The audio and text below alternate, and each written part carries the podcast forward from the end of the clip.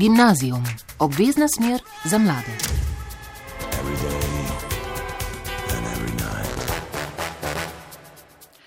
Pozdravljeni v mladinski oddaji na prvem, v kateri nam danes že delajo družbo dijaki z gimnazije Jurija Vege Idrija. Ta šola je namreč lani septembra praznovala 120 let od ustanovitve, letos imajo torej pravo obletnico kar vse leto in um, v teh letih je imela ta šola kar pestro zgodovino. Različna poimenovanja šole, različni šolski programi, ki so se na njej izvajali, različno število upisanih dijakov, vmes je za skoraj 30 let nehala delovati. V enem obdobju je vključevala tudi dijaški dom. Rdeča nit, nit vsa ta leta pa ostaja povezanost z lokalnim okoljem. A ne toliko preteklost, bolj nas bo zanimala sedanjost, kako se na gimnaziji počutijo dijaki danes, kako so povezani z lokalnim okoljem oni in kje vidijo svojo prihodnost. Baje prisegajo na tej šoli ne le na znanje, temveč tudi na ustvarjalnost. Spoznajmo torej te mlade, ki so danes z nami na prvem. Pozdravljeni, moje ime je Neli Petrič in obiskujem tretji letnik gimnazije. V prostem času rada berem, pišem in sem tudi glavna urednica Cajtenga, našega šolskega časopisa. Um, pozdravljeni, sem Vita Čar, um, sem dijakinja tretjega letnika gimnazije. Um, jaz pa zraven teh predmetov, ki jih imamo v šoli, rada tudi ustvarjam, rada si zbistrim glavo, um, rada grem ven in ja, delam tudi veliko drugih stvari. Dober večer, sem Maja Justin Jerman, mentorica, učiteljica slovenščine na tej šoli, nekakšna skrbnica za ustvarjalne dejavnosti, za kar se trudimo ne samo ob 120-letnici naše šole, ampak tudi sicer. Zdravo, a ne bog Petrnel. Um, v prostem času rad tečem, pa tudi um, vse veliko se, se pravi s šolo ukvarjam v raznih uh, dejavnostih izven, pa tudi uh, v okviru šole. Živijo, jaz sem Jaka, prihajam iz Vrhnke in um, obiskujem četrti letnik programa gimnazija na naši šoli. Živijo, jaz sem pa Zala, v prostem času rada grem v hribe, če pa tega časa več, uh, pa rada se odeležim kakšne izmenjave v tujini. Jaz sem pa Špela z Radia Slovenija in vam zares želim eno dobrodošlico tukaj na prvem. Hvala torej, da ste prišli. Kar povejmo, kako pa ste prišli v Ljubljano, kakšna je bila pot, ker pot do Idrije ni najbolj enostavna, se mi zdi. Neli? Ja, pot je bila nekoliko vinkasta, ampak je kršlo in mislim, da nam je čas hitro minil. Ja, kaj nimamo srečo, ne? Vaši razredi niso v karanteni. Mm, ja, naši razredi niso v karanteni. Um, Meni se, da še nikoli nismo imeli odrejene kakšne karantene, odkar smo v šolah, um, na mestu Zuma. Um, in mislim, da se to kar fajn nekako um, pozna na naših odnosih, no, kaj krepimo dejansko iz dneva v dan. Um, ker prej smo dejansko se lahko pred samo korono in to pandemijo smo se lahko družili s komorkoli na naši šoli, zdaj smo pa nekako determinirani eden na drugega in smo obsojeni na to, da se bolj spoznamo. E, torej, mehurčki, razred, ne, ni menjavanja razreda, kaj ne, a ne? Definitivno um, smo se bolj spoznali v razredu, ampak smo pa prikrajšani tistim stikom, se pravi z drugimi oddelki. Ker na vaši šoli delujejo trije srednješolski programi, ne to poleg gimnazije še triletni program mehatronik in štiriletni program strojni tehnik. Vita, koliko zdaj strojnikov ti poznaš, glede na to, da si šele tretji letnik, zdaj je že tretje leto, tako bolj, ne, vse drugače. Um, ja, jaz imam to srečo, da sem pač iz Idrije in velik strojnik tudi iz Idrije, pa iz Podnidrije. In smo se v bistvu med um, uh, karanteno um, kar zelo povezali. Um, smo se spoznali prek državnih omrežij, tudi v šoli, in pa smo se pač začeli pogovarjati, smo se začeli tudi med karanteno družiti. In za ta karantena po eni strani tudi zelo povezala. Um, in smo v bistvu kar dobri prijatelji, imam kar ene par dobrih prijateljev in iz mehatronike in iz um, strojne šole. Se mladi znajdete, ne? Ja, se znajdemo, se pravimo znajti v vsakem primeru. Zala, kaj pa ti, ti se moraš v šolo peljati, ne? Ja, mislim, moja vožnja ni tako dolga, glede na to, da sem vozač, pridem v 20 minutah v šolo. No. Žiri. Ja, sem žirov. Žirov, ja. uh, se pravi, zakaj potem ta šola je najbližja? Ja, meni je najbližja. Um, sem jo pa izbrala predvsem zaradi svoje majhnosti, ampak je na nek način še vsem posebna, ker so mi obljubljali nek uh, odnos bližji z profesori, kar sem pa tudi dobila, tako da sem zelo zadovoljna. Torej niso bile prazne obljube to. Jaz lahko trdim, da niso bile. Ja. Ne, zakaj si ti si iz Idrije ne izbral um, gimnazijo? Um, mogoče zato, ker ni druge širše, večje izbire v Idriji ali zato, ker um, tudi ti si pričakoval in vedel, kaj lahko dobiš na tej šoli, si nisi želel kam drugam? Um, mislim, da je razlika med Idrijsko in naprimer na Ljubljanskim gimnazijam ni tako velika, da bi se pa odločil iti v Ljubljano. Pa v devetem razredu še nisem bil čisto odločen, tako da glede na to, da živim dve minuti stran, sem se odločil, da kar ostanem tukaj oziroma v Idriji. Neli, kaj pa ti? Um, jaz sem vedela, da si želim obiskovati gimnazijo, ker sem si želela v bistvu neke splošne izobrazbe in ostala sem v Idriji, ker mislim, da je res lepo prijetno mesto in da je, naša, da je izobrazba, ki jo naša gimnazija nudi, kvalitetna. Niso te pa odvrnili, mogoče kakšni taki namigi, ja, pa po gimnaziji pa nisi nič. Um, ne, jaz mislim, da gimnazija nudi res dobro izhodišče za prihodnost, sploh danes, ker je ta prihodnost zelo negotova. Recimo, ne moremo si sploh predstavljati, kakšna bo izgledala čez deset let, kakšni bodo poklici. In mislim, da te prav ta splošna izobrazba ti ponudi res dobro izhodišče za karkoli se boš potem že odločil. Ampak ti nimaš takega narečja, da bi takoj prepoznali, odkot si. Kako to? Ker se malo trudim. no, torej, jaz upam, da ti bo kdaj kaj ušlo, da slišimo okay. potem to vašo uh, govorico. Um, povedali smo že, torej, da, da ste zdaj malo manj um, povezani z drugima dvema programama, ampak vseeno najdete čas in tudi voljo, oziroma se znajdete in imate povezave. Ali so te povezave? nastale oziroma se poglobile tudi v času, ko je vaša šola praznovala ali pa se pripravljala na praznovanje 120. obletnice Zala? Ne bi rekla. Mislim, jaz sem imela to srečo, da sem četrti letnik in smo vsej polovico sred, srednje šole pač imeli neko normalno srednjo šolo. Brez pandemije, uh, zaradi tega smo se najbolj spoznavali med tedni športa, ki jih um, naredi naša šola in smo šli v Italijo, kjer smo recimo smučali en teden in se med razredi dosti poznaš in povežeš. No. Tega je pa najbrž zdaj manj, kaj vidite? Ja, um, mi smo pa jih ta nesrečna generacija, ki tega pa žal nismo imeli. Um, ampak se mi zdi pa, da ravno zaradi tega zelo bel cenimo no, um, vsake trenutke, ki jih lahko preživimo skupino. Že dvakrat so nas poslali domov Um, ampak vseeno se mi zdi, da smo, da smo se kar povezali. Mogoče prav zaradi tega, ker smo bili tudi tako prikrajšani, smo na tem tednu športa letos res, res zelo uživali. Tudi um, zelo smo povezani, naša generacija, zelo in med razredi, in tudi med drugimi programi, in mogoče pravno zaradi tega. Eh, torej, o tednu športa bomo nekaj povedali nekoliko kasneje. Zdaj me zanima, Jaka, koliko vi, mladi, ki obiskujete danes šolo, veste o njeni zgodovini. Je to za vas sploh pomembno, kaj se je tam dogajalo, kdaj je bila ustanovljena, kateri različni programi so se izvajali na njej, ali je zate bolj pomembno, kaj se zdaj odvija v prostorih? Mislim, da je definitivno se naša gimnazija lahko ponaša s pestro zgodovino in to lahko povem tudi nek, kot nek neidr, pač neidričan. Um, um, dejstvo je, da je naša gimnazija slovi kot najstarejša slovenska realka in je tudi edina realka na, v idrijsko-crklanski regiji. Um, ja, bi znal povedati marsikatero svojo o gimnaziji in o njeni zgodovini in povezavami z uh, lokalnim okoljem. Um, se mi pa osebno zdi, da še zmeraj se. Um, ni treba, nekako hitro se lahko, nekako, če tako rečem, zaspi na sami zgodovini in slo, slovesu neke najstarejše gimnazije, ampak mislim, da naša gimnazija res veliko dela na tem, da um, še, še zdaj opravič, opravičuje nekako res dober um, status gimnazije v današnjih časih. Uh, gospa Maja Justin, nekako zveni, vsaj tako na hitrico bi rekli, bolj kot naravoslovna gimnazija, ne? pa ste me kar mal popravili pred, pred to dajo, ko smo se pogovarjali o tem. Uh, Ja, mi resnično izhajamo iz naravoslovne tradicije, tako kot je jako omenil, kot najstarejša slovenska realka, torej v pretežno slovenskem jeziku.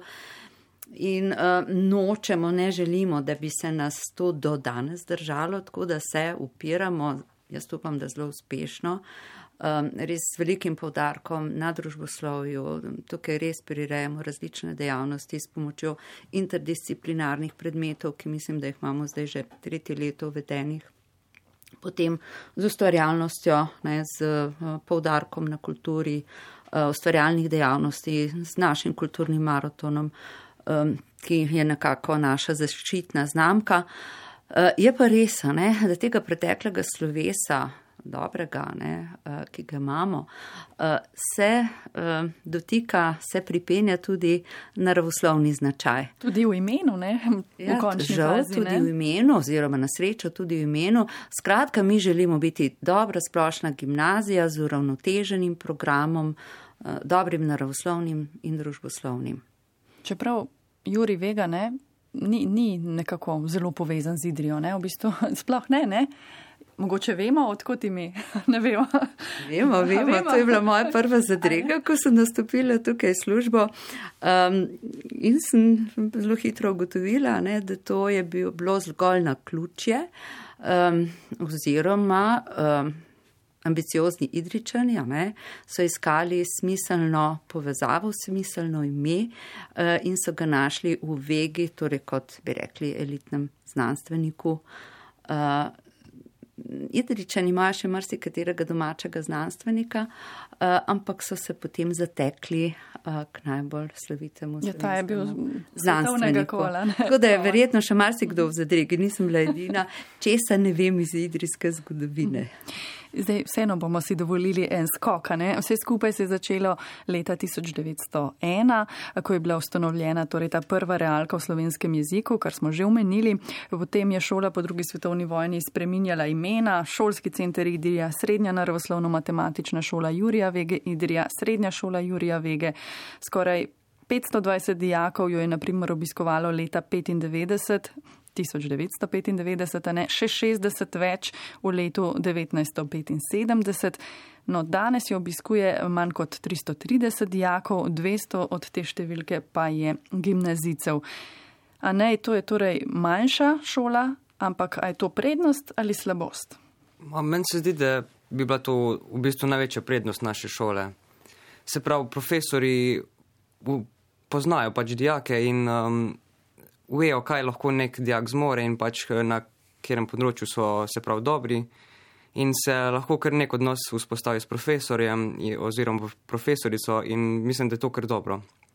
Zala, kako ti razmišljaš o tem? Jaz bi se isto strinjala. Um, ne vem, koliko imam kontakta z, z dijaki drugih uh, gimnazij, slovenskih, se mi zdi, da je tukaj res povezanost med profesori in dijaki veliko večja um, ne vem, profesori vejo, kako je imeti tvojim bratom, pa sester, kam, izkot prihajaš in se mi zdi, no, da je ta povezanost res drugačna kot na kakšni drugi šoli. Neli, ali ta povezanost pomeni tudi popustljivost profesorjev um, do vas? Ne, jaz mislim, da ne. Jaz mislim, da profesorjem da predvsem priložnost, da dijakom pomagajo na področjih, kjer so mogoče malce šipkejši in jih hkrati tudi spodbudijo na področjih, kjer vidijo, da so močni oziroma da bi lahko bili močni in da dijaki potem še več dosežejo. Najbrž je prednost tudi ta, da se vsi poznate, Vita, prej si ti omenjala, ne, da ste kar povezani. Ja, ja se poznamo, um, tudi profesori in dijaki. Um, imamo tudi um, zanimivo, tudi med sabo telefonske številke. Um, si tudi, ja, pač je, je lepo, no, ka, ka poznaš imena, ka veš, na koga se lahko obrneš, kadar ti je težko pri kjerem koli predmetu. Um, zapiske tudi dobite, ne, brez težav potem, če um, manjkate. Ja, ja, zapiske ponovite od svojih sošolcev, mhm. um, se tudi pogovorimo um, z profesori za spraševanja, za datume in ja, mislim, meni je kar všeč ta majhnost naše šole in um, ta odnosno med jaki in profesori. A ne, Tebi tudi všeč torej ta odnos, ki je malo bližji, bolj povezan? Ja, uh, definitivno. Dijake to ne uspava torej. Ne, da, da si več dovolijo, naprimer, tudi ne samo, da so profesori bolj popustljivi, ampak tudi dijaki bi si lahko potem mogoče malo več dovolili. Ampak je to tako ali ne? Ja, mogoče poznamo kakšne profesori, ki so se prav bolj popustljivi do določenih stvari, se prav za kakšno predstavljanje testov. Uh, vemo, na koga se lahko obrnemo, da se kakšna zamenjava ur naredi. ja, treba je imeti ne, tudi take znanje o takih stvarih. Mm. Zdaj, realka je pred 120 leti ne nastala tudi zaradi želje rudarjev, da bi svojim otrokom v domačem okolju ponudili eno kakovostno izobraževanje. Mesto in rudnik živega srebra sta bila nekako financerja šole. Kako pa je vaša šola danes povezana z lokalnim okoljem? Neli, rudnika ni več, ne? Ja, jaz mislim, da smo tudi danes zelo povezani, um, predvsem z industrijo, ki je zdaj v Idriji zelo močna. Recimo dve zelo uspešni podjetji sta Hidrija in Kolektor in sploh ta dva programa Strojni tehnik in Mehatronik operater zelo sodelujeta s temi lokalnimi podjetji. Kaj pa gimnazijo? Um, pa bolj s kulturnimi ustanovami. Ja. ja. Eh, gospa Maja, kako vi gledate na to povezanost in upetost v bistvu eh, izobraževalne ustanove v to lokalno okolje? Mi se zelo trudimo ne, biti upeti v kraj, zato ker kraj res ponuja ogromno uh, možnosti ne, z bogatimi kulturnimi inštitucijami, mestni muzej, mestna knjižnica. Trudimo se resnično sodelovati, uh, kolikor nam le uspe, uspe dovoljuje sprotni šolski program. Seveda pa tudi gimnazija sodeluje z industrijo uh, ravno v času praznovanja. Ne, so uh, pristopili nam, prišli na pomoč, financirali torej določene stvari, recimo zunanjo učilnico, um, pomagali pri um, proslavljanju ne, um, tega uh, jubileja. Skratka, uh, dijakom pristopil na pomoč ob organizaciji in financiranju maturantskega plesa. Uh, veliko je takih priložnosti, uh, no pa kot vem, uh, tudi pri fiziki uh, imate določene uh, poskuse na hidri oziroma kolektorju. Tako da to, te izkušnje so bogate. Um, jaka ali mogoče ta povezanost torej, eh, same šole z lokalnim okoljem, pa naj bo to ali gospodarstvo ali kulturna sfera, mogoče izhaja tudi iz tega, ker ste relativno um, težko dostopno območje in morate najbrž najprej računati sami na se, če zdaj tako bolj po domače to povem. Ja, ne bi rekel, da je temu tako. No. Um, bi rekel, da je predvsem glavni razlog za samo povezano šole tudi z zunanimi organizacijami.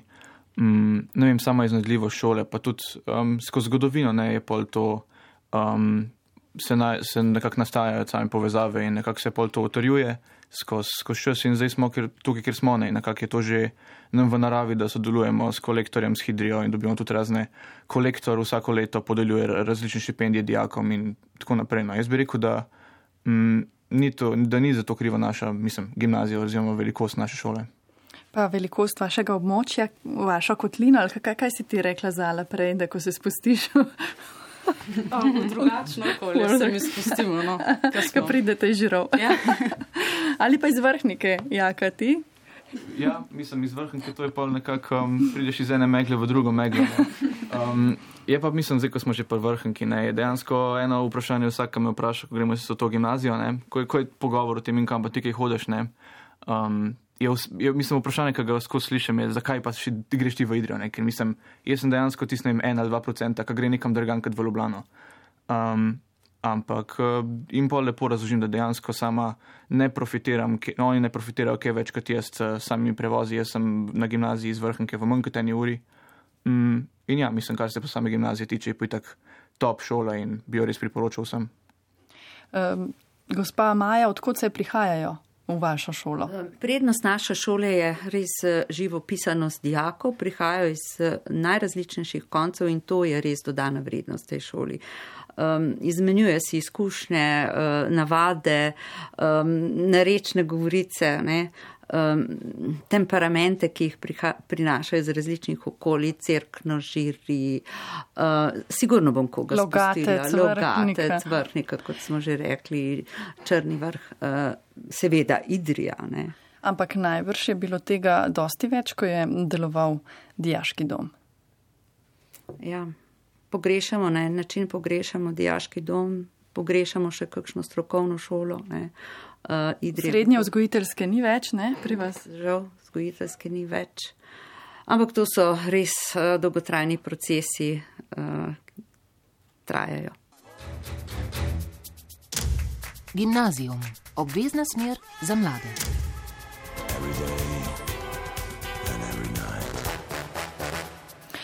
Zala Vitaneli, Anej, Jaka, Maja Justin z gimnazije Jurija Vege Idrija so z nami na prvem in pred tole skladbo ste predstavili svojo šolo in vzdušje na njej. Zdaj pa me zanima, s čim vse se vi ukvarjate še poleg teh eh, strogo šolskih eh, stvari. Mislim, da ste omenili teden športa Zala eh, in celo neke ekskurzije v tujino. Ne? Kaj to je teden športa? Je v bistvu teden športa je na naši gimnaziji na mestu vseh športnih dni. V bistvu mora vsaka gimnazija zagotoviti dijakom, mislim, da pet dni športnih dnev na let. In v bistvu mi čez celo leto nimamo teh športnih dni in v bistvu po zimi ali pa zgodnem poletju gremo na ta teden športa, kjer pač delamo vse od jadranja do potapljanja do. Uh, z vetrom se nekaj dela. Ja, ja, zdaj pa. Ja. Torej, ti si to imela, doživela? Ja, ja, res je. Um, prvem letniku smo šli uh, v Dolenske toplice, um, tam smo delali orientacijo, plavanje, bolj take stvari. Uh, v drugem letniku smo šli v Forni di Sopra, smo plezali, predvsem pa smučali. um, ja, zdaj zadnje leto. No, uh, je pa nam v bistvu so nam odpadle nerezine zaradi pandemije. Uh, in so v bistvu bili tako dobri naši profesori, da so nam z vsemi močmi pač hoteli omogočiti, da še vsem dobimo ta zadnji teden športa. Uh, tako da smo šli pa v septembru letos uh, v Portorož, kjer smo pa ja, delali vse, vse mogoče. Ja, ali to pomeni, da med letom pa ni športa? Ne, sej mislim, med letom je definitivno šport. Um, malo, mislim, imamo športne vzgoje, um, spadajo v naš urnik, kot pri vseh ostalih šolah. Je pa so pa te tedni športa taka zadeva, česar marsikatera šola nima. Gre za to, da se nekako pri nas na mest športnih dnevov, kar ima neka pač običajna gimnazija, se nekako združijo v teh pet dni, kot je že zalo menila, in pol, tako nastane nekako ta teden športa. No. Ker tukaj zraven je potem tudi 4-5 noči, ne?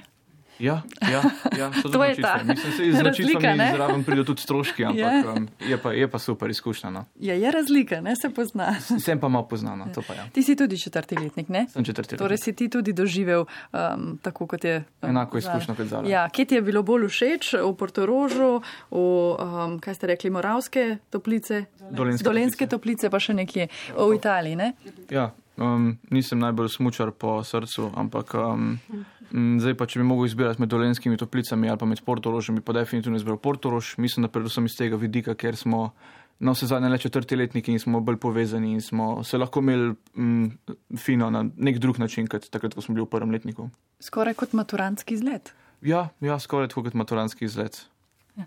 A ne, a mogoče vaša šola slovi po kakšnem športu, da imate dobro ekipo tam ali pa kaj takega?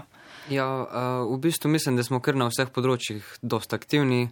V zadnjem času uh, pa lahko rečem, da imamo zelo dobre kolesarje, um, pa tudi se pravi Nejlogar je tudi zelo odličen se pravi z motošportom. Sicer pa ja. Tudi. Ja. Ne, en nogometaš prihaja tudi iz Idrija, ne? Tudi ja. ja. Uh, Imate polno, ne, ja. ljudi. Eh, Neli, zdaj, ko si ti poslušala Jako in um, Zalo, ko sta govorila o teh um, tednu športa, ne, ti si tretji letnik, torej kako je bilo pri tebi, malo manj tega, ne, tujine pa sploh ne. Ja, nam je zaradi korone precej odpadlo, tako tedni športa kot ekskurzije. A v prvem letniku naj bi šli za en teden v Dolenske toplice, pa je odpadlo. Pa potem... Vi ste pa to doživeli? Ja, ker smo plan let pred njimi. Ja. Aha potem lani na Dunaj na ekskurzijo, pa tudi nismo imeli, pa na Forni v, Italijo smučati. Potem na konc leta lani se je šlo za dva dneva v Dolenske toplice kot neko nadomestilo. Letos, na začetku letnika, pa, je pa bila priložnost, da smo šli za en teden, en teden v Nerezine. Ste se potem povezali boljše, a ne kot če ste v šoli, najbrž je ta teden nekoliko drugačen? Uh, ja, mislim, da so se dijaki tretjih letnikov potem kar povezali. Ne samo športne, zelo dejavni ste tudi na umetniških področjih. Vključeni ste v projekt SKUM, zdaj jaz nisem vedela točno, kaj to je, pa sem pobrskala po spletu. Ne. Na dolgo bi bilo to razvijanje sporozumevalnih zmožnosti s kulturno umetnostno vzgojo. Vita, kaj je to? Um, ja, zdaj že kar nekaj let v bistvu imamo na gimnaziji organizirane te dneve delavnic, no, ki v bistvu niso kot navaden pouk, kar je super. No. Se mi zdi, vsak dan, ko imamo neki, neke nova znanja, pridobivamo, no, da, zlo, um, da imamo take dneve, no, dijaki zelo radi. In to so take delavnice, no, ki so predvsem ustvarjalne. Um, vem, da lani smo imeli, se pravi, vsak poloh zbere um, tisto področje, ki njega najbolj zanima, um, kiparstvo, slikarstvo, fotografija, pa smo imeli tudi uh, zborček, pa imeli smo tudi uh, ples. Tako da, ja, no, se mi zdi, da je zelo pomembno, da poleg vseh teh pač naravoslovnih in družboslovnih predmetov, ki so seveda zelo pomembni, da se razvija tudi ustvarjalnost, ker um, na nek uh, način bistri pamet, bistri um sprošča in um, se mi zdi, da je zelo pomembno, no, da tudi vsak najde neke uh, te koščke ustvarjalnosti, vse, ki jih pa odkrije, pa na katerem koli področju. Je tega v tistem uradnem kurikulumu premalo, po tvojem? Ja, meni se zdi, da je zelo premalo. Um, v prvem letniku imamo sicer obvezno, se pravi, likovno vzgojo, dve uri na teden, pa še glasbeno vzgojo, potem je pa to um, pač v drugem letniku noč več in naprej tudi noč več. Um, ampak se mi zdi, da je zato zelo premalo. No, sploh tega likovnega ustvarjanja, sploh zdaj v teh časih, no, ka, pa zdaj, ker je bila korona, pa karantena, pa sedenje za računalnikih. Um, In ja, ustvarjanje je tako področje, no, ki odpira nove meje, odpira nove obzorja in um, širi um, in se mi zdi, da um, je tega zelo premalo v našem svetu. Še malo terapevtsko tudi, ne? Ja, seveda, tudi zelo terapevtsko, tudi pomaga um, na vseh področjih, no res. In kar razviješ taka strast no, do ustvarjanja, se mi zdi, da te res veselino. Ti si naštela kar nekaj uh, področji, ne? mm. kaj vse ste lahko, v čem vse ste se lahko preizkusili oziroma obiskali te delavnice. Kaj si ti izbrala? Um, jaz sama sem izbrala um, delavnico, ki smo, uh, smo v bistvu ustvarjali, smo slikali, pa smo pa skredo risali, smo kombinirali kreda, oglje pa akrilne barve. Pa smo v bistvu. Um, izbrali nek ta, um, neko znamenitost iz našega mesta, Idrija slovi tudi po, se pravi, po likte znamenitostih, rudnik, pa tudi filmsko gledališče, smo izbrali neko to um, poznano stavbo in smo narisali v bistvu za ogljem pa kredo tako, kot um, je danes in pač uh, z um, akrilnimi barami, kakršno si jo predstavljamo čez 120 let. In si si ti jo predstavljala zelo drugače ali niti ne? Um, sama sem izbrala filmsko gledališče Idrija kaj je, um, ga tudi sama obiskujem, v bistvu vr, uh, vrtijo filme za mlade um, in sem ga polna slikala v neki taki današnji sodobni podobi, ampak bi pa menila, da filmsko gledališče Idrija um, je, ne vem, no, se mi zdi, da, da je tako doživetje, no, spoh v teh časih, ko greš s prijatelji v kino, da ker malo pozabimo, no, zdaj, ker so te filmi že vse na računalniku, pa da resno, jaz zelo rada grem, tako še vikend si vzamem, pa čas pa grem s prijatelji v kino. In je to dogodek, ne? Ja, ja dogodek, kupiti stopnice, pa iti skozi, res. Neli, kaj si pa ti izbrala? Domnevam, da si se ti tudi udeležila, ne, teh delavnic. Ja, jaz sem se udeležila pa kiparske delavnice. Zbrala sem jo, ker sem si mislila, da bo zelo zabavno, pa sproščujoče. mislila, kaj to pomeni, da se ni izkazalo? Pol je tudi dejansko bilo tako, ja. Um, in tudi mi smo se osredotočili na te idrijske značilnosti, znamenitosti, v bistvu je vsak dobil kos gline in potem si ustvaril. A v bistvu tisto, na kar ti pomisliš, ko ti nekdo reče Idrija. In na kaj si ti pomislila? A, jaz sem pomislila na prekmandelca. To je v bistvu škrat, ki um, naj bi rudarjem v rudniku uh, pomagal pri iskanju živega srebra, če so mu te pustili hrano oziroma neke priboljške. Imate tudi eno pot, ne? Prekmandelčevo, ja? ne um, nekaj takega v poidri. Uh, ja, mislim, lahko uh, so izleti po Antonijevu morovu in notor je tudi uh, lutka tega prekmandelca, pa sliši se to um, odmevanje trkanja, v bistvu, kjer naj bi bilo živo srebro, tam naj bi prekmandelc potrkal uh, in je res ena zanimiva izkušnja. Si ga že srečala? Sem ga slišala, srečala pa še ne, mogoče ne. Znaš kriti, ne? Ja. um, in kako ti je uspel um, ta kip? Si bila zadovoljna s svojim delom, si tudi ti tako čutila eno izpolnjenost potem, ko so te delavnice minile. Ne? Prej je rekla Vita, da se zelo dobro lahko počutiš na teh delavnicah, da ti ustvarjalnost um, neki da. Ne? Ja, jaz sem se definitivno dobro počutila. Um, mogoče niti vsej kip je uspel, um, ampak niti ne zato, ker je bil dober, ampak predvsem, ker smo se vsi zabavali, uh, se povezali tudi z našo inštruktorico in je bilo zabavno. A ne, kako so pa tebi všeč ti dnevi? Um, Problem je, ker uh, sem bil pa takrat bolan, tako da ne bi znal preveč povedati. Žal. žal. Ti je bilo žal. Ja. ti je bilo, no? Uh, zdaj se pač takrat se ti je kovcalo, no? ampak uh, mogoče pa tudi letos, oziroma uh, letos ste jih že imeli ali še bodo. Bomo šele, se pravi, bomo imeli kulturni maraton, pa se bo organiziral, se pravi, neka predavanja.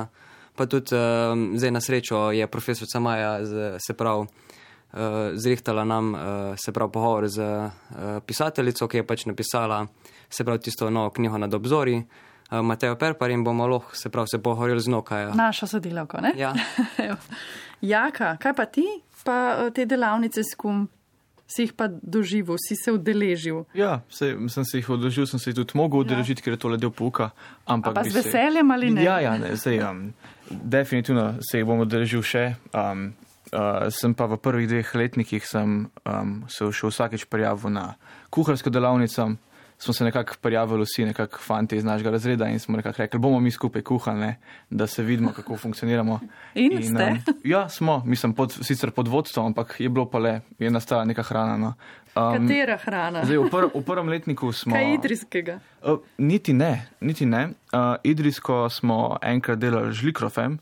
Um, drugač pa um, smo v prvem letniku pod vodstvom uh, kuharja Klaudija Piriha, ki vodi eno izmed um, gostilen na, um, na tistem območju, smo delali krofe, ker je nekako um, so upadalo s uh, pustom, kaj je bil v tistem času. No, naslednje leto smo imeli pa nekako glavna tema je bila um, veganska hrana in je bilo res zanimivo, nekako zelo preprosta hrana, pa tudi marsikdo si je imel, je imel kaj za si misliti o tej hrani, ne? ampak na koncu smo vsi ugotovili, da je res super hrana in nekako naj, kar je bilo najboljše, tudi, da je izpadlo res na nekako visokem nivoju, ne? ker je nas znal tako voditi, da je na koncu izpadlo, da bi to bilo ne vem, iz neke gostilne. No? Res je tako lepo bilo prezentirano vse skupaj. Da, mm, letos pa, lansko leto kulturnega maratona nismo imeli zaradi um, korone. Letos pa vsaj um, no, za druge letnike se nekako organizirajo razno razne delavnice, za nas četrte letnike imajo pa v planu nekako nek um, pogovor z gospod, ki nas bo nekako lažje vodila še skozi maturitetno čtivo za esej pri slovenščini. Torej vsako leto malo drugače, ne? Ja. Gospa Maja. Vsako leto malo drugače, predvsem se zdaj žal moramo prilagajati uh, epidemiji. Uh, sicer so bili naši kulturni maratoni uh, dan odprtih vrat za vse generacije. To je bil dan kulture na naši šoli.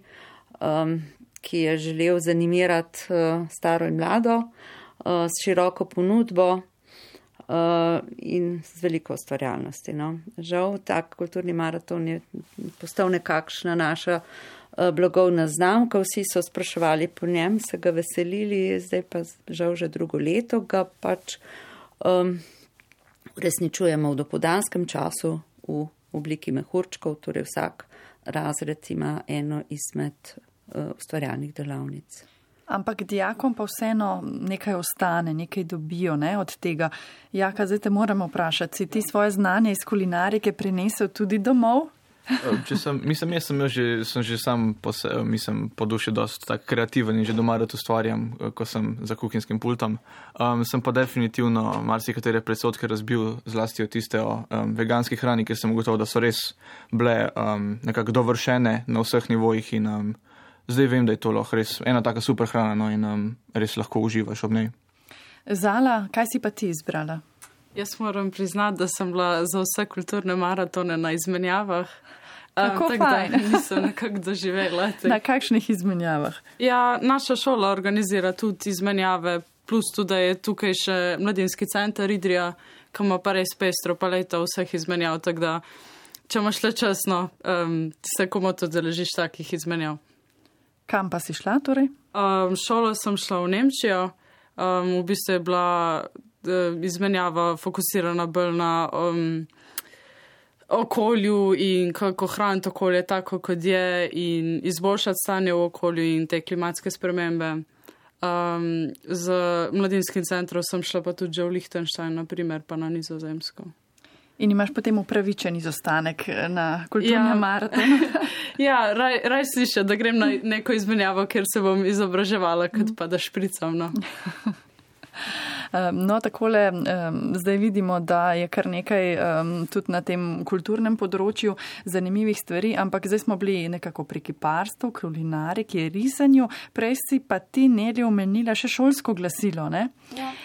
Kako aktivni ste pa tam? Uh, mislim, da smo kar aktivni. V bistvu naš šolski časopis izide ponadi enkrat, včasih tudi dvakrat na leto. In v bistvu dobijo dijaki priložnost sodelovati, ne glede na to, na katerem področju kulture, umetnosti so dejavni, ker v časopisu objavljamo tako članke, kot tudi fotografije, slike, risbe, stripe, se pravi, karkoli dijaki ustvarjajo res in tudi grafično dobijo priložnost oblikovati, če se na tem področju najdejo. Tako da mislim, da je res super in da da priložnost dijakom izkoristiti to svojo kreativnost koliko izdelkov pa potem dobite? So, so mladi tako aktivni, da pa tudi pogumni, ne, da poskusijo? Zdaj, lani se je nekoliko poznal konec leta, da jih je bilo manj. Mislim, da je bilo nekoliko teže tudi zaradi korone, ker je bilo dohodkov manj. Zato je bilo, ponavadi imamo precej člankov o tem, kaj se je dogajalo, se pravi, poročamo neke kolumne, da dijaki še svoje mnenje povejo.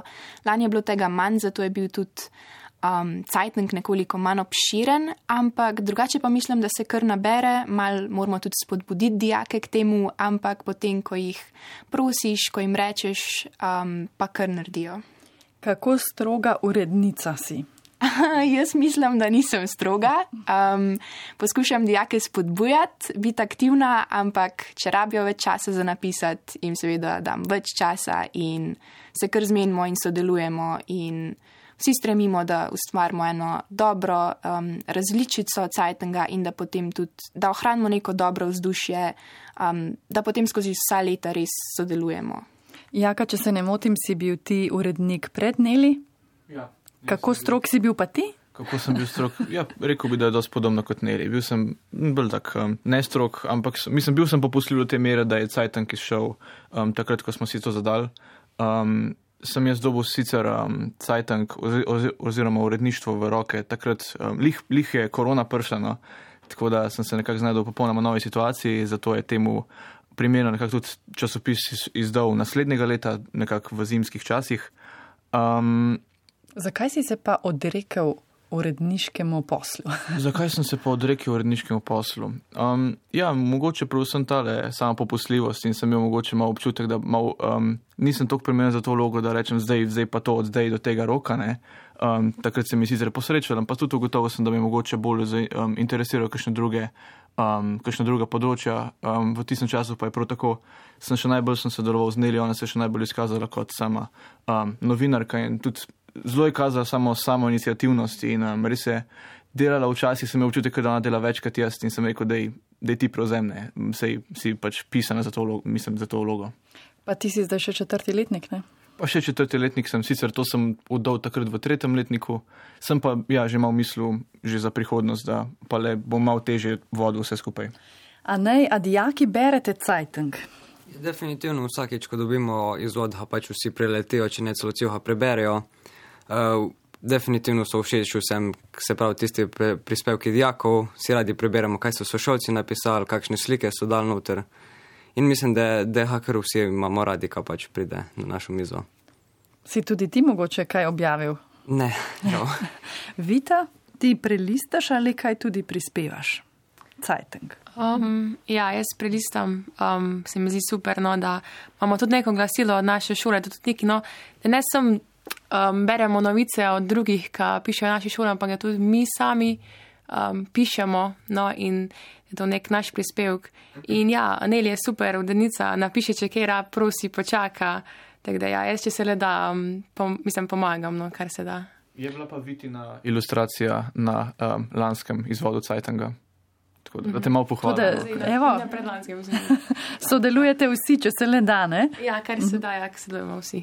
Eh, Kakšen pa je občutek ustvariti nekaj novega, nekaj svojega, kar je res diaško, um, kar res izhaja iz vas, kar je najbrž odsev vašega razmišljanja, vaših želja, ciljev, um, Neli?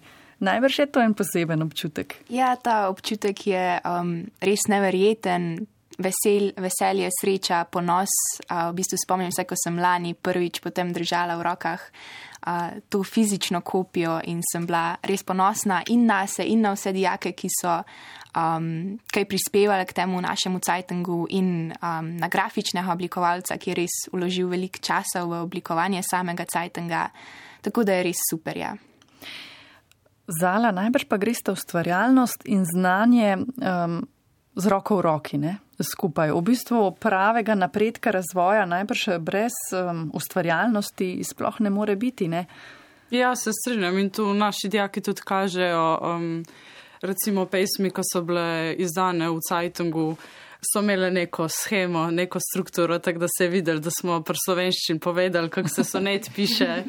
Um, in da niso bile samo kakšne traparije, mislim, traparije, no, nekaj na hitro napisano ali pa karkoli. In pač se pozna, da naši dijaki noter v take svoje poezije, naprimer, da in svoje znanje in ustvarjalnosti pa zelo velik tudi. Ker izvirnost, ne iskanje nekih novih rešitev ne prihaja samo iz znanja, ne, ampak najbrž prav iz te ustvarjalnosti, ki jo poudarjate na šoli, Vita. Um, ja, meni se zdi, da je vseeno zelo pomembna ta izvirnost, tudi pri drugih medijih, tudi pri matematiki, pa fiziki, ki si moraš kaj predstavljati. Pa, no, mi imamo zdaj ta magnetizem, pa se mi zdi, da no, si kar pomagam z mojo domišljijo, pa še kišni s temi rokami. To, um, se mi zdi, da se velika na to obrnemo, na ta moja druga stran. Kako ste pa vi, dijaki, sodelovali pri, tem, pri tej 120. obletnici te vaše šole? Ste bili aktivno vključeni, ste bili malo manj vključeni? Um, ma se mi zdi, da smo kar sodelovali. No, um, sicer 120 letno je kar, mislim, se mi zdi, da premalkrat no, se tek spomnimo, da ta šola že 120 let stoji, te zidovi, že te stopnice so že hodili moji starši in tog dijakov. Se mi zdi, da kar pozabimo na to in da, da včasih malo premalo gledamo, um, da naša šola že res um, ima zelo veliko tradicijo. No. Gospa Maja, Justin, najprej ste morali tudi, tudi to obletnico ne, nekoliko prilagoditi zaradi COVID-a. Seveda smo jo prilagodili, sicer bi verjetno veliko bolj razkošno in veliko potezno praznovali, ampak kot so že prej uh, dijakinje omenile s tistimi delavnicami v, v, v okviru projekta SKUM, smo se pravzaprav pripravljali na praznovanje, tako da likovni in uh, slikarski izdelki so bili uh, razstavljeni v galeriji Mestnega muzeja Idrija in to je bil tudi otvoritev razstave, bil neke vrste začetek te prireditve. Na sami prireditvi so bili, so bili pa pravzaprav ustvarjalni dosežki dijakov spet sestavni del programa, zborovska pesem, glasbeni del, potem plesni del. Nili Petrič skromno ne, ni umenila, je napisala kar lep del. Besedila, torej besedilo, ki se tiče prihodnosti Idrije, proslavo, torej uh, jubilejno prireditev sta vodila Neli in Anej. Uh, skratka, sodelovali so bivši in sedani dijaki uh, godbenega društva Idrija. Res lepa predstava naše ustvarjalnosti zdajšnjih dijakov in tudi nekdanjih. No, potem smo dobili še kant avtorja, um, uh, kaj že, Lana Lan, Trtenka in celo uh, enega reperja smo dobili. Da, je bilo za vse poskrbljeno. Prisrčen program, ja, ne tako obsežen, ampak naš. A ne, kako si se ti počutil, glede na to, da si imel kar pomembno vlogo zdaj izvedela, ne? Um, definitivno je bilo še kar stresno, zato, ker niso bili sem dijaki, so bili tudi, se pravi, povabljeni hosti iz kolektorja, iz Hidrije, uh, tudi iz občine. Um, in mislim, da se njemu kar trema, ampak pol, ko enkrat nastopiš na oder, pa se pa spustiš, pa steče. In zdaj nimaš težav niti na radio. Um, zdaj bi morala sicer slediti glasba, pa bomo raje nadaljevali tale pogovor, ker smo ravno pri Idriji. Um, treba je seveda omeniti to, da najbrž je pomembno za mlade tudi to, da vejo, odkot so. Kako ste vi navezani na svoje okolje in koliko poznate um, svoje, um, svoje okolje, tradicijo teh uh, krajev. Uh, jaz, mislim, ja, jaz mislim, da okolje, naše kraje, kar dobro poznamo, um, da smo ponosni, ponosni na nje in tudi poudarjamo tradicijo, našo dediščino. Jaz sem v Idriji obiskovala tudi osnovno šolo in že odkar sem bila majhna, se pravi, odkar sem bila stara šest, um, se je vedno poudarjalo to, da imamo bogato zgodovino, bogato kulturo, dediščino in da smo na to res lahko ponosni, no, ker gre za nekaj edinstvenega. Enej ti celo delaš ne, v muzeju, a bi nam lahko na kratko približal zgodovino Idrije. Ne? To je 600 let staro mesto in kar močno povezano z živim srebrom. Ja, se pravi, eh, kako bi rekel, nastank Idrije je posledica, se pravi, eh, ko so odkrili živo srebro v Idriji, se pravi 500 let nazaj. Potem so pa se pravi rudari iz celega cesarstva, takrat smo pač spadali pod Avstrijo, so hodili v Idro in mesto je počas raslo, prihajali so tudi znanstveniki oziroma pač pomembni ljudje, uh, zrasel tudi grad, ki zdaj mohočno stoji nad Idrijo, pa tudi se pravi Realka, leta 1901. Uh, eh, tako da mislim, da smo lahko kar ponosni na to, kar, smo, kar so naši predniki tukaj dosegli v Idriji. Kakšna pa je tista legenda, kdo je prvi našel um, živo srebrno uh, rudo? Mm -hmm, se pravi, ja. legenda o škaferju, mm -hmm. nek bi gorela, se pravi, nekmu izdavcu škafer, se pravi, škafov uh, se pravi, Weder, uh, in en dan je pač v nekem potoku uh, šel po vodo, uh, tam je našel, se pravi, tista Weder je bilo pol zelo težko uh, in ni vedel, zakaj se gre. Not je bila pa se pravi neka tekočina, uh, kaj po pol nesu, se pravi, poznalcu škofiloko, pa sem mu pol se pravi potrdil, da gre za živo sebro. In to se je zgodilo, naj bi se zgodilo 1490 ja. in torej 500 let, ne 600, ne, kot sem rekla, ti si, ti si imel točen podatek. Ja, hvala. Um, ampak seveda, uh, vi zdaj, ko odraščate, odraščate brez rudnika. Ste kdaj svoje stare starše spraševali, kakšna je bila Idrija, ko je še vse živelo, dihalo s tem rudnikom? Um, mislim, definitivno smo se prav um, svojo. Um, kako bi rekel. Uh, definitivno so se prav knapi še bili ta v tistem obdobju, se prav starih staršev, uh, ko so pač bili naši starš, starši še, um, ampak več pa ne morem povedati žal, ker uh, se prav nimam uh mhm. -huh. take izkušnje. A ima kdo od vas je imel kdaj kakšen vir informacij, tak kar pristen, ali vas to ne zanima sploh? Ja, verjetno so bili kar dosti bolni, no, glede na učinke živega ja. srebra, to lahko zagotovo rečemo. Se je pa zelo spremenilo zdaj, ko se, se je začel raziskovati, se pravi ta merkurializem, kaj posledice se pravi uh, izpostavljena, se pravi hlapom živa srebra. Tako da mislim, da so se zadeva kar izboljšale v zadnjih letih. Prav gotovo, ne, pozitiven vpliv ne, na okolje in ljudi. Ne. Ampak še ena druga tradicija pa obstaja ne, v Idriji, Vita čipke. Ja, znaš klikljati. Sem mogla prav pomisliti za malo. Um, ja, um, sem hodila v čipkarsko šolo, ja, tudi sama. Sicer sem začela malo mal pozno, jaz sem začela v petem razredu šele. To je pozno. Ja, Aha. pa nas začnejo že vrteti, v ene že v prvem razredu, da, ja, ampak sem zelo rada hodila v čipko, res smo se z, um, hecale, smejale, pele pesmice, klikljale skupaj.